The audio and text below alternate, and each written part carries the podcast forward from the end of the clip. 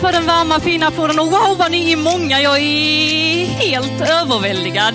Shit, det går ju inte alltid som man tänkt sig. Lite grann som det hände här nu, men vad gör det? Jag har gått och längtat efter den här eh, livepodden så sjukt, sjukt länge så att det är helt galet. Eh, och är så sjukt tacksam för att ni är här. Är det någon här som har lyssnat på podden innan? Upp med en hand. Oj!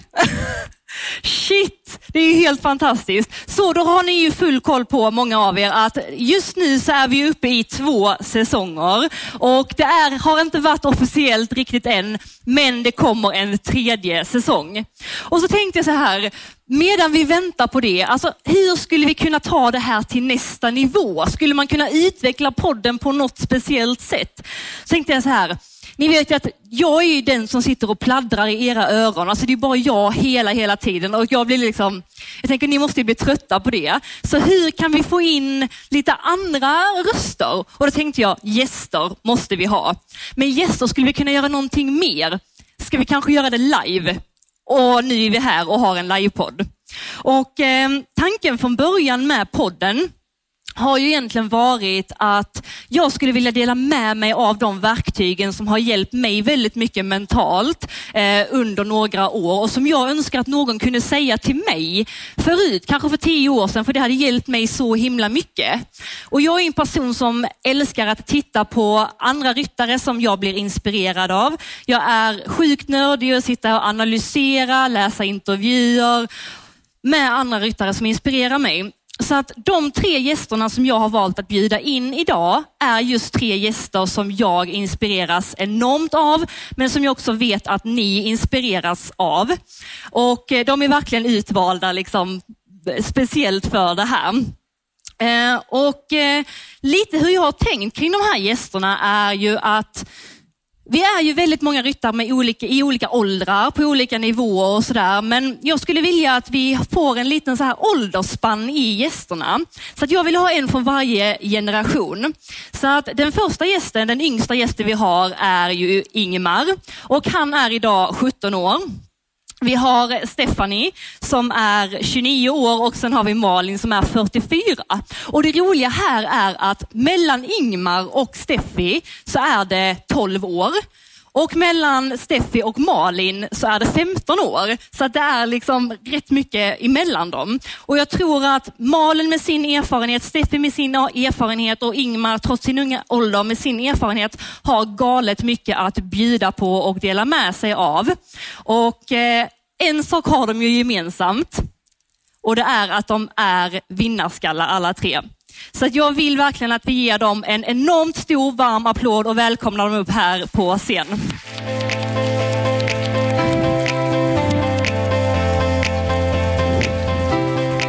Varmt välkomna upp gänget.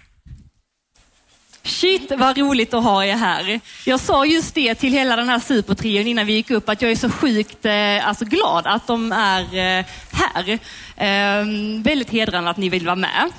Men så här, jag, vi snackar lite om så här att ni är ju vinnarskallar, tycker jag, enligt mig. Eh, men vad skulle ni själv säga? Steffi, är du en vinnarskalle i dina egna ögon?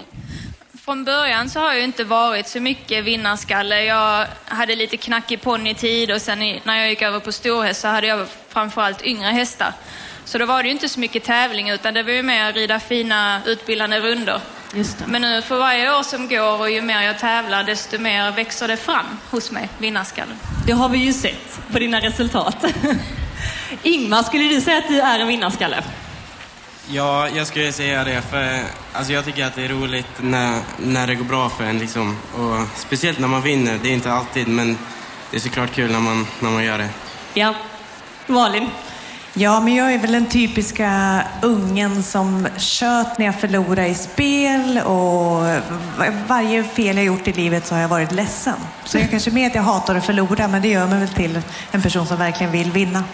Jag har ju hört eller läst eller någonstans i någon intervju att eh, det är lite jobbigt när ni spelar spel hemma. Vi spelar inte spel hemma, men... Nej, nu har jag väl lärt mig såklart att man blir bättre med åldern. Det får man hoppas att jag inte är 44 år och sitter och gråter. Men det, jag tycker inte om att, eh, jag tycker inte om att misslyckas. Nej. Jag tycker... Eh, jag tycker inte ens om att misslyckas i sällskapsspel som ska vara trevligt. Det, så det gäller att välja rätt spel. Okej. Mm. Men jag tänker på dig, Ingemar. Mm. Alltså, vi har ju fått följa dig lite i SVT-serien, komma lite närmare liksom, dig och sådär. Ja. Eh, och jag ser ju dig lite grann på tävlingar och sådär. Och jag vet att jag tycker, och många tycker ju att du ser så galet lugn ut hela tiden. Som att du har full koll, du är lugn, du är så här cool. Är du så lugn liksom här inne också? Ja, alltså det gäller ju att man, alltså när man väl kommer in på banan, att man vet vad man ska göra och så och känner sig trygg. För att det är ju mer det som skapar en trygghet, att man vet vad man ska göra och alltså man, man känner sig liksom komfortabel med det man gör och om man gör det så finns det ingen anledning att vara nervös och så. Mm. Okej, bra svar. Och sen har vi ju Steffi. Ehm, du ser ju ut också att ha ett enormt fokus när du rider in på banan. Sen också när jag ibland kan se dig på framridningar och framhoppningar, det är så här, alltså henne kommer man liksom, man kan ju inte störa henne, man vågar ju inte ens störa liksom. Eh, vad är det som gör att du kan känna det innan en tävling? Alltså vad är viktigt för dig att känna innan en tävling så att du kan gå in i fokus och vara där? Ehm, jag tycker om att ha eh, kontroll. Så det är viktigt för mig. Jag vet att hästen är väl förberedd och jag har ett bra team runt om mig som jag kan luta mig mot. Allting ska bara fungera av sig själv. Så när jag väl väl står och väntar på att gå banan och sen hoppar upp på hästen, då kan jag släppa allt annat och bara fokusera på det jag ska göra då. Så lugnet är att veta att allting, all, alla gör vad de ska göra, det finns rutiner och du har koll på läget. Lite som Ingemar var inne på där, man hittar en trygghet. Och eh, känner jag att allt är väl förberett både för mig och teamet runt om och hästen så känner jag mig trygg och då kan jag fokusera. Mm, bra, mycket bra. Och eh, sen har vi ju Malin som är mest rutinerad av oss alla här. Eh, och du har ju ridit i landslaget sedan du var 12 bast. Ja. Och det är typ, det är väl egentligen den åldersgränsen man, alltså det är minst 12 man måste vara. Jag fick faktiskt eh, min första landslagsplats. Det var NM i Finland 1987 och jag, jag var första reserv. Men Linda Jonsson som då red Darling, hon var bara 11. Hon var bäst i Sverige då, men hon fick inte rida så då fick jag komma in istället för henne. Så jag halkade in lite på ett bananskal där, men det var första året. Ja, Det var ju ganska nice bananskal. mm, verkligen, verkligen. Men hur, alltså jag vet, man, man undrar ibland så här, vad är din hemlighet och sådär. Men tittar man på dig rent ridmässigt så är du ju en ren talang. Alltså rent, sen har du jobbat stenhårt, inte det, men där är mycket liksom talang. Men jag tänker rent mentalt, för du har ju presterat som tusan genom åren. Inte bara en gång utan hela tiden och mycket under press. Vad är din, liksom, om det nu finns en hemlighet, men vad är din ingrediens som gör att du är ens kapabel till det? Alltså jag, jag tror att... Jag, jag älskar ju att tävla. Jag älskar att sätta mig själv under press. Eh, jag blir ju med åren på ett sätt mindre nervös, men på ett annat sätt mer nervös. För ju större uppgiften är, ju viktigare är det. Och ju äldre jag blir, ju bättre blir jag. Och ju mindre felmarginalen, förstås. Absolut. Allting är ju så, det blir mer och mer press, men någonstans så känner jag att jag är, är enormt bra under press. Ja. Jag trivs bra där, jag, verkligen när man får skruva åt allt. Ja. Och det, det är inte, det som vi brukar prata, de flesta i landslaget, när vi då rider ett, ett mästerskap eller en nationshoppning, det är inte jätteroligt innan man är klar. Det är många jobbiga känslor. Det, det spelar ingen, det är såklart, vi är ju väl förberedda och det är ett måste för att man ska kunna, men trots det, när man rider in på Falsterbobanan som vi båda gjorde i somras, det är fullsatt, vi rider för Sverige, alla mer eller mindre räknar med att man ska vara felfri, känner man i alla fall. Då är det klart att man inte är sådär, ja, jag är väl förberedd, det här är inga problem, utan det är verkligen kniven på strupen. Och... Men sen är det bästa känslan när man faktiskt går i mål och satt den där felfria rundan. Ja, och det tycker vi på läktaren också. Ja, det är bra. Eh, och sen Ingemar, du, du har ju trots allt en, en lång karriär för din ålder. Alltså du har gjort mycket, det har hänt mycket, du har stora framgångar. Men hur är du liksom som eh, person i själva tävlingssammanhanget? Är du en person som vill ha kontroll på allt eller är du en sån som tar det lite som det kommer och det löser sig alltid ändå? Eller hur är du? Alltså jag, jag gillar att, när jag går in på banan, då, alltså, eller när jag, rättare sagt när jag är på en tävling så gillar jag att liksom kontroll över allting. Och, alltså man vet liksom vad man ska göra och hur, till exempel vem som gör ordning hästen, om man ska gå ner och hämta den till exempel. Alltså det, allt det skapar liksom en trygghet eller vad man ska säga. Och det, det får ju en att tänka, alltså det får en att bli mindre nervös för att det är mindre saker man behöver tänka på. Men allt för att det ska gå så bra som möjligt inne på banan. Mm.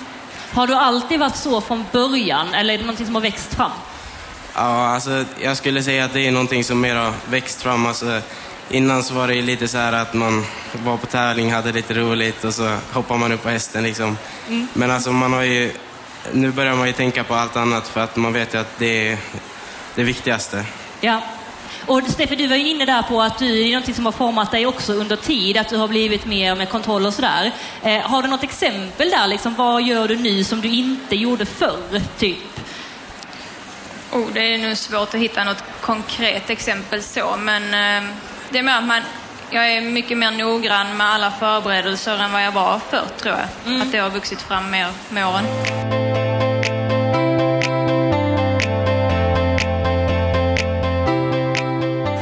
Pratade om Malin innan, du, som den här galna tävlingsmänniskan. Det är ju till stor fördel när man är inne i ringen och verkligen det där lilla extra skrivet, den här krigar-fighting-spiriten. Eh, har den haft några nackdelar mer än vid sällskapsspelen vid bordet hemma? Nej, nej, samtidigt så håller vi på med en sport där man inte kan vinna alla klasser. Så det har man ju fått lära sig. Man får ju, om man är på en tävling under en helg så kanske man väljer att satsa på en klass. Om, om man är här Readers kanske är världscupen som är det viktiga. Ja. Då kanske det inte är jättelämpligt att försöka vinna klassen på fredagen för då är risken större att en bom faller på söndagen. Så det är lite grann att man väljer klass. Eh, jag tror också det är så himla viktigt, de här förberedelserna, man måste också vara beredd på att den här känslan kommer att komma. Ja. Och att man är beredd på känslan. När fjärilarna sätter igång i magen och tankarna, att man faktiskt tar emot den känslan. Och man vet, att den kom, vet man att den kommer så kan man också hantera den enklare och inte försöka stöta bort den utan känna, ja ja, det kom, det kom de där monstren i magen. Ja. Jag tar ett djupt andetag och fokuserar på det jag ska göra istället. Ja. Sen tror jag en av mina största styrkor har varit att jag lägger saker bakom mig. Har jag haft en riktigt dålig runda, vilket vi alla har ibland. Det tror jag är viktigast. Lägg det bakom sig, gå vidare. Analysera lite snabbt, men sen släpp det. Ja. Men om vi då tar lite som du säger, man väljer ju klasser. Det är så att du har den stora finalen kanske på söndagen och du rider inte mot klockan de andra dagarna. Hur ändrar du, liksom, och jag är lite nyfiken på alla tre, men om vi börjar med dig Malin. Hur tänker du innan du ska gå in i den klassen som du vill vinna, som du har preppat dig för att vinna? Alltså, känns det något speciellt? Går du in med någon viss inställning liksom, eller är det... Nej, då kommer ju de här, då kommer den här eh, pressen igen som jag vill ha. För då bygger jag ju upp, då har jag ju bestämt mig för att det här är klassen som vi alla har åkt hit för. Det är ju inte bara jag heller, utan det är hästen, det är hästägare, det är hästskötare, det är supportrar, det är allihopa. De häng, det hänger ju på mitt resultat då. Så då, återigen, då får man skruva åt alla skruvar. Man får se till att helgen då kanske har gått ut på att förbereda sig för den här klassen. Och sen återigen, det är bara man ska se till att vara i god tid, man ska ha alla grejer på plats, hästen ska vara trimmad på morgonen och ja, väl i ordning och allting. Det, sen är det bara att gå in och njuta. Åter till förberedelserna. Förlåt? Ja, åter till de här förberedelserna, hur viktiga de är. Men där du då, eh, Ingmar, som är en snabb ryttare, eh, har många vinster i bagaget. Hur tänker du när du väljer ut den här klassen och som du vill vinna? Alltså kopplar du på någonting då innan, eller hur? Ja, alltså när man väl kommer till den klassen som man har, har åkt till en tävling för, då, är ju, då känns det så här lite extra. Man får den här tävlingsfeelingen lite extra, även fast man har tävlat hela helgen till exempel innan. Men eh, man blir såklart lite extra nervös, och, men det, man blir också liksom mer taggad än de andra klasserna. Och det, men det gäller ju att hålla nerverna i styr och hoppas på det bästa och göra sitt bästa. Ja. Och Steffi där, lite med samma tema. Hur, hur liksom, har du någon speciell grej innan du... Nej, jag tror mer att eh, det går ju till på samma sätt om man ska gå in och göra en lugn skolrunda som om man ska gå in och tävla. Men i sitt undermedvetna så tror jag bara att man taggar till lite extra. Det blir lite mer adrenalinkick som växer fram när man vet att man ska gå in just för att tävla. Men det är ju samma noggrannhet och fokus som krävs även om jag ska rida en lugn runda. För det gör jag ju för att förbereda inför nästa gång när jag verkligen ska gå in och tävla. Just det. Någonting jag ser mycket med dina rundor som jag har eh, tänkt på det är att även om du går in och gör en kanonsnabb runda och du rider i mål så är det alltid liksom tillbaka till balans, lugn och ro för hästen. Allting är väldigt så här. Så, kan du berätta lite varför du gör det? Men det fick jag lära mig. Jag hade ju en jättebra tränare i Ann-Katrin Ankan Karlsson när jag var yngre. Och hon tog ju med mig på de här tävlingarna som Göteborg och Falsterbo där man hade chans att se de bästa ryttarna tävla. Och då ser man ju just skillnaden att de går i mål, de jobbar hästarna som sagt av i balans och skrittar sen lugnt ut från banan så hästarna lämnar banan på rätt sätt och inte i obalans och så snubblar man ut på vägen utan Ja. man kan gasa i mål och sen hitta lugnt tillbaka till balansen och sen skritta ut från banan. Det fick jag lära mig som ung. Bra. Ja, jättebra tips.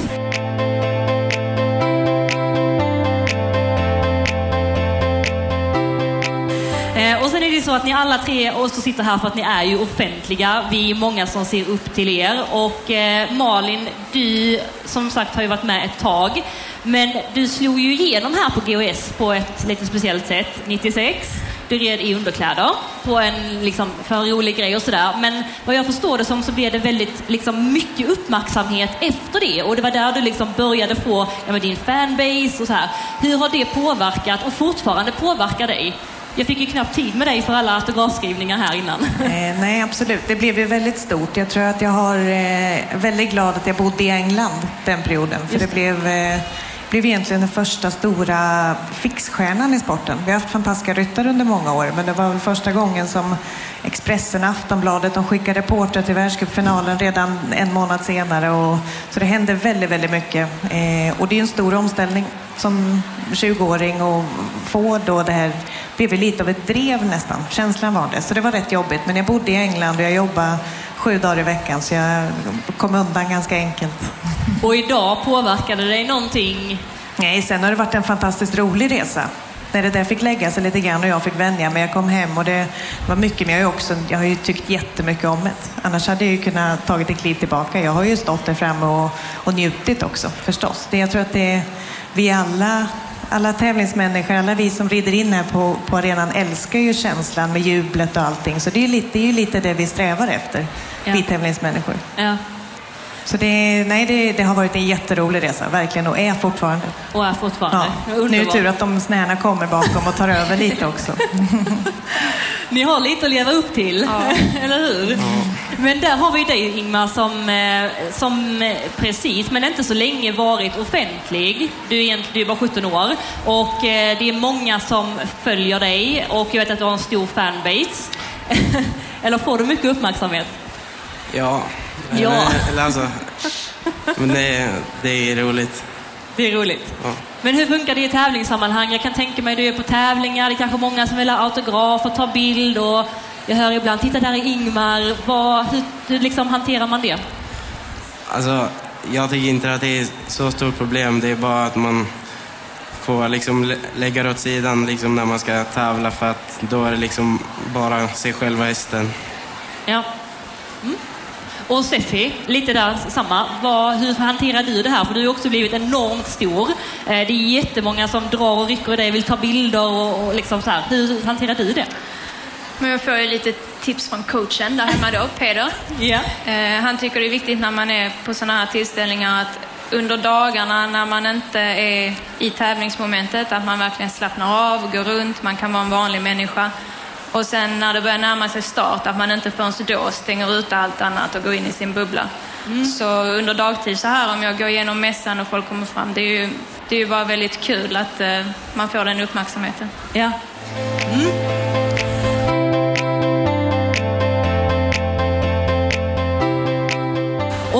Sen så här lite tillbaka till tävlingsmomentet. Mm, barngången, när man sitter och tittar typ som ner på den här stora tävlingen så kan man se att det finns lite olika metoder om man tittar riktigt noga. Eh, och sen visst, det är en bana vi ska lära oss. Men jag är lite nyfiken på vad era rutiner är.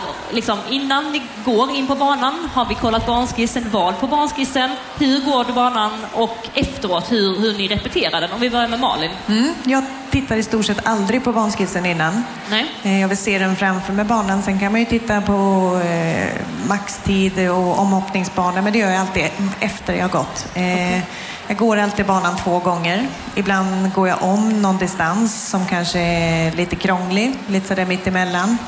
Det jag vill alltid vill känna när jag lämnar banan, det är att jag ska kunna blunda och se hela banan, alla hindertyper, alla färger, alla exakta centimeter mellan hindren. Det ska jag kunna göra och blunda. Då är, jag, då är jag nöjd med min bangång. Då har jag stenkoll. Mm. Och det är det viktigaste vi har, bangången.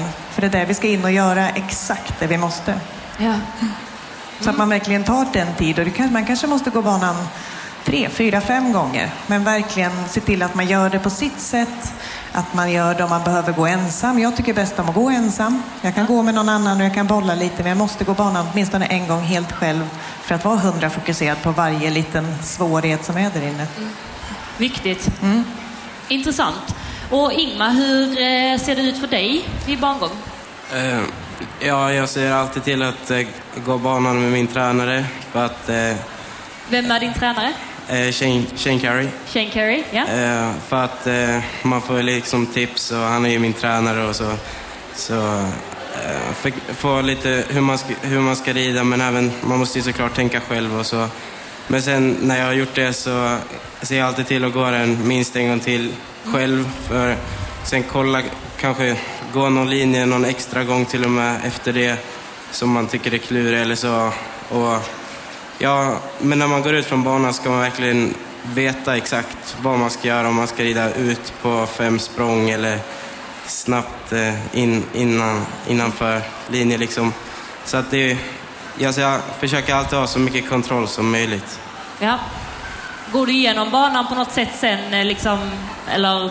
Ja, det är ju viktigt att man eh, inte bara lägger helt åt sidan när man kliver ut från banan. Man hoppar upp och så tänker man igenom banan och så hoppar man fram lite så tänker man igenom den igen och så tänker igenom den i huvudet hela tiden och sen så brukar jag gå igenom den med min tränare innan jag går in på banan. Och Steffi, hur gör du? Ser dina rutiner ut? Ehm, nej, men ehm, ganska likt de andra. Jag går minst två gånger om det finns tid till det. Eh, har jag någon med mig från mitt team så kan jag gå ett varv tillsammans med dem först, men sen går jag gärna ett varv själv. Och sen, eh, som Ingemar sa också, bara repetera den så fort det ges tillfälle, liksom, så upprepa den hela tiden i huvudet. Jag tror att det är ganska viktigt att man också väljer vem man ska gå igenom banan med. Man ser många, om man tittar när vi går banan så pratar vi ofta med varandra och vi stannar vid linjer, vi frågar och så vidare. Men för mig är det en enorm skillnad att fråga till exempel Peder eller fråga eh, Roffe. Ja. För de tänker olika och de pratar olika och de ser saker olika. Så det gäller att hitta sin person lite grann. Så att Just. det inte, det, risken är att det ställer till det. Peder kan tänka helt annorlunda än mig för att han kanske rider helt annorlunda än mig och då blir, kan ju det störa min, min syn på banan. Så det är jätteviktigt att hitta sin person. Exakt, så himla bra att tänka på det. För det var lite det jag ville komma in på. att Eh, jag jobbar ju lite grann mentalt med några elever och sådär och många tycker att det är jobbigt det här med vad alla andra gör och att man blir väldigt påverkad av alla andra. Både rent liksom, vad har alla andra för utrustning? Hur ska de rida? Ska de rida sju eller ska de rida åtta? Man kanske har bestämt sju så hör man någon åtta. Hur, har ni någon gång tidigare, eller fortfarande känner ni så ibland, att ni blir osäkra på er själva på grund av vad någon annan gör? Och i så fall, hur tacklar ni det?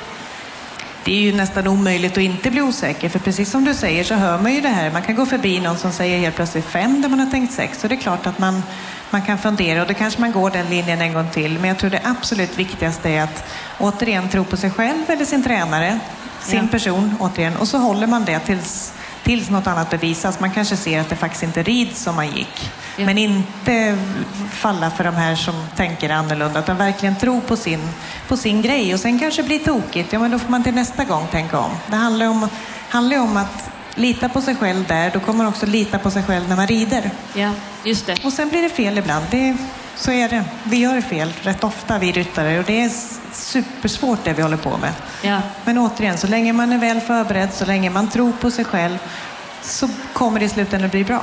Ja. Har ni någonting att tillägga i den frågan där, eh, Ingmar? Hur det här med att vara påverkad och så? Nej, men jag, jag håller med att man ska liksom ha sin egna plan och inte påverkas av andra. Men sen är det klart att om man ser när det är ibland olika på hur man stegar banan och sen så hur man rider den beroende på vilken arena till exempel och sådana saker.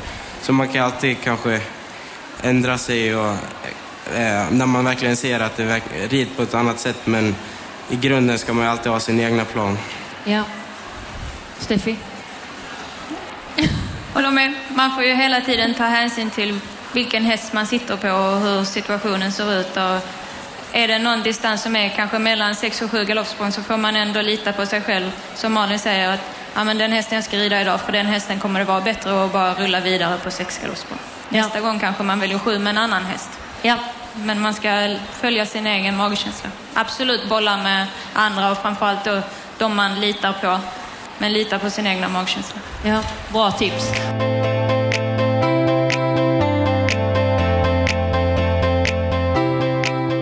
Och du var inne där Malin på det här att det går, man tar ju dåliga beslut ibland som man får lära sig av och sådär. Och det går upp och det går ner.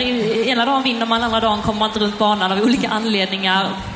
Misslyckande. Hur, jag är jätteintresserad, jag vill höra lite grann av alla tre. Hur ser du på det och hur hanterar du det? Ja, men jag tror framförallt eh, såklart efter ett misslyckande att man kan ta lärdom. Men man kan också ta lärdomen att vi är mänskliga. Ja. Och ibland finns det inget svar på varför det blev fel. Man bara gör fel, man tar fel beslut. Hjärnan funkar på ett annat sätt, eller vad det är. Det, många gånger så har man gjort alla rätt. Man har gått banan på alla sätt, man är väl förberedd, hästen är i superform och ändå så blir det fel. Och det är så. Och det, jag tror att där är det viktigt att faktiskt kasta ut det i hjärnan. Släng det bakom sig och gå vidare till nästa klass. Och försök se positivt och in och kör igen. Men inte älta det. För ältar man det, då fastnar det lätt och då går man in och är lite osäker nästa gång. Just det. Oj, vad bra. Jättebra sagt. Ehm, och Ingmar, hur eh, ser du på misslyckande? Tar du, hur tar du det när det händer? Alltså det är klart att man vill ju all... Det är ju inte roligt när man misslyckas, men det händer ju... Man, I den här sporten så händer det ju eh, ganska ofta liksom. Så, men det är ju viktigt att man liksom analyserar om man själv tycker att man har gjort något fel och så. Men sen att man kan lägga det bakom sig och blicka framåt. För att det är det som är det viktigaste, att man kollar framåt. Ja. Steffi?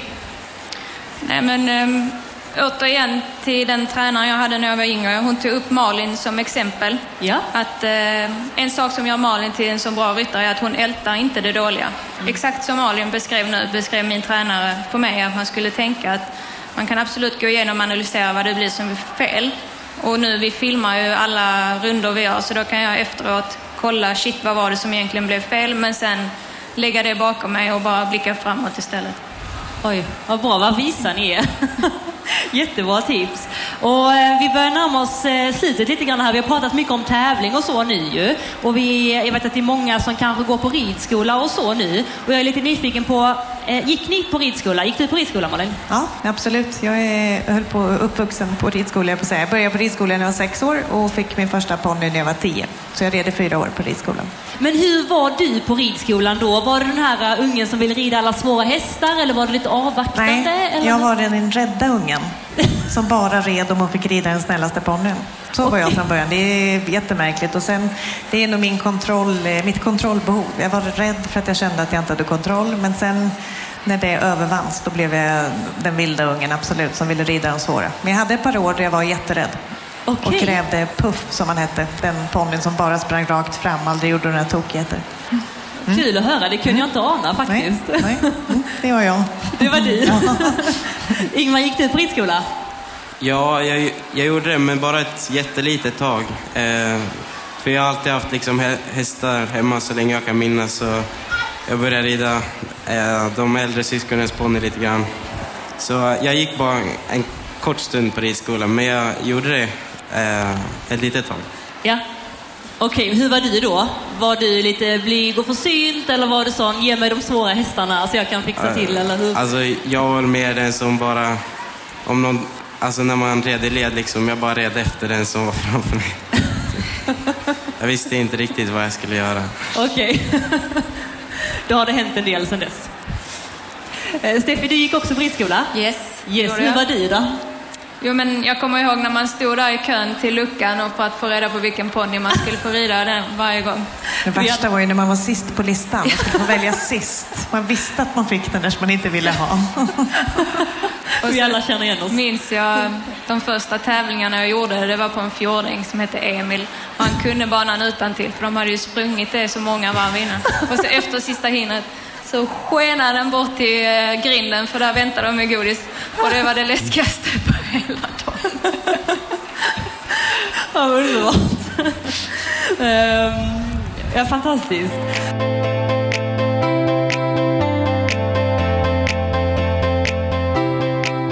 Ehm, men om vi då skulle avrunda lite grann och om ni skulle få eh, ge lite tips, eh, era bästa tips, till en person som kanske går på ridskolan just nu, kanske precis börjat rida eller ridit några år, vad man kan ta med sig därifrån. Eh, men också om jag som ryttare kanske har tävlat lite grann och vill upp ett snäpp till, eh, några tips där.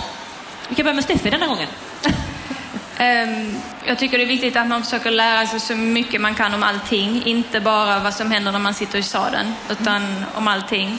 Har man möjlighet att åka ut och jobba i stall, även från marken, så man lär sig hur ett tävlingsstall fungerar, så är det guld värt. Ja. Mycket bra. Lära sig lite om allt. Mm. Mm. Eller mycket, mycket om allt. Mycket om allt. Mycket om allt. Ingmar, vad, vad hade du gett för tips?